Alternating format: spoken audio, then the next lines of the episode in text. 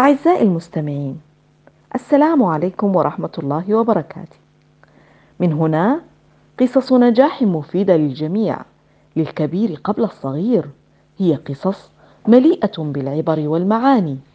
قصص نجاح غيرت حياتهم من الفقر إلى الغنى غيرت نمط حياتهم. أصبح التاريخ يتحدث عنهم بالصبر والإلهام والمثابرة والتحدي إلى النجاح. تتعلم منها الإصرار وأن النجاح أحيانا يأتي من الفشل. قصص حقيقية مؤثرة. ومن هنا أيضا بوح يثقفكم يفيدكم في تجاربكم بالحياة العامة الوظيفية الاجتماعية والكثير.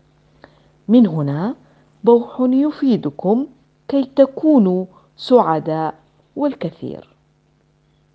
قصة نجاح ألبرت أينشتاين. ولد ألبرت أينشتاين في الرابع عشر من مارس 1879 في إحدى مدن ألمانيا تسمى أولم. بعد عام من ولادته انتقل مع أسرته إلى ميونخ. كان له أخت تصغره بعام. وكان والده صاحب مصنع كهروكيميائي أما والدته فقد كانت من عشاق الموسيقى. كان أينشتاين صغيرا منعزلا قليلا. لا يحب اللعب مثل زملائه. كان يقضي وقتا طويلا في الصمت والتأمل وقد تأخر في النطق.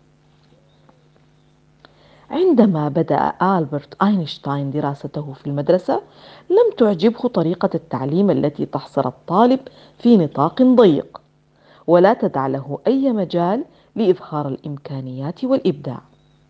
وفي عيد ميلاده العاشر أهدى له والده بوصلة صغيرة. وكانت هذه البوصلة لها أثر عميق في نفسه وحياته.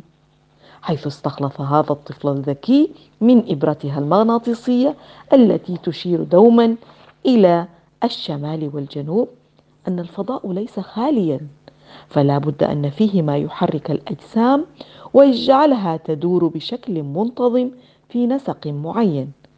وفي شبابه اهتم كثيرا بعلوم الطبيعة والرياضيات وبرع فيهما لكن في المنزل وليس في المدرسة. حيث وجد في نفسه متعة كبيرة لحل المسائل الهندسية. وكانت أكبر المشاكل التي واجهت ألبرت أينشتاين هو اضطراره إلى دراسة اللغات والعلوم الإنسانية التي تعتمد على الحفظ للحصول على الشهادة وليس الإبداع والفهم.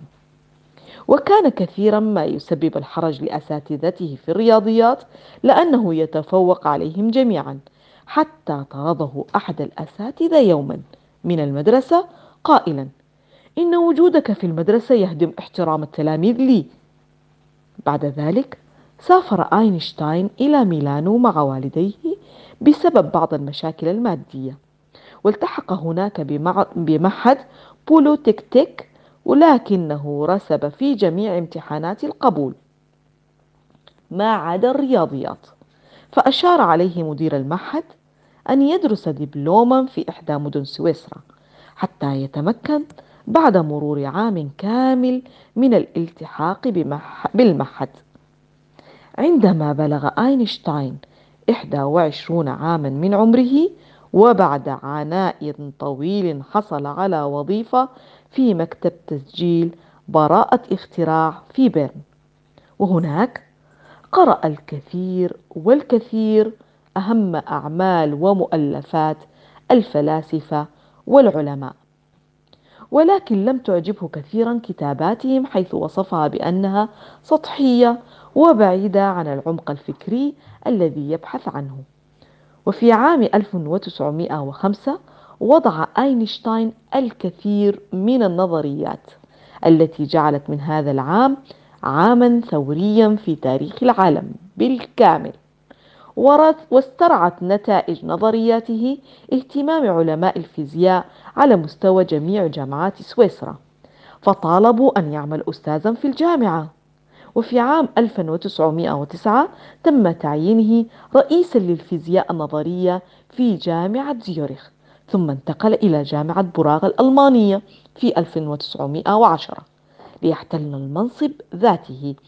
إلا أنه اضطر بعد ذلك إلى مغادرتها بسبب رفض زوجته مغادرة زيورخ وفي عام 1905 قام أينشتاين بنشر أربعة أبحاث علمية تناول فيها كل من تفسير الظاهرة الكهروضوئية والحركة الأبروانية للجزيئات طبيعة المكان والزمان وأخيرا ديناميكية حركة الأجسام الفردية. وكان آخر بحثين هما أساس النظرية النسبية الخاصة التي نتج عنها معادلة الطاقة E تساوي mc2 وبتحويل كتلة متناهية في الصغر أمكن الحصول على طاقة هائلة من الطاقة النووية. وحصل أينشتاين على جائزة نوبل في عام 1921 لاكتشاف قانون الظاهرة الكهروضوئية.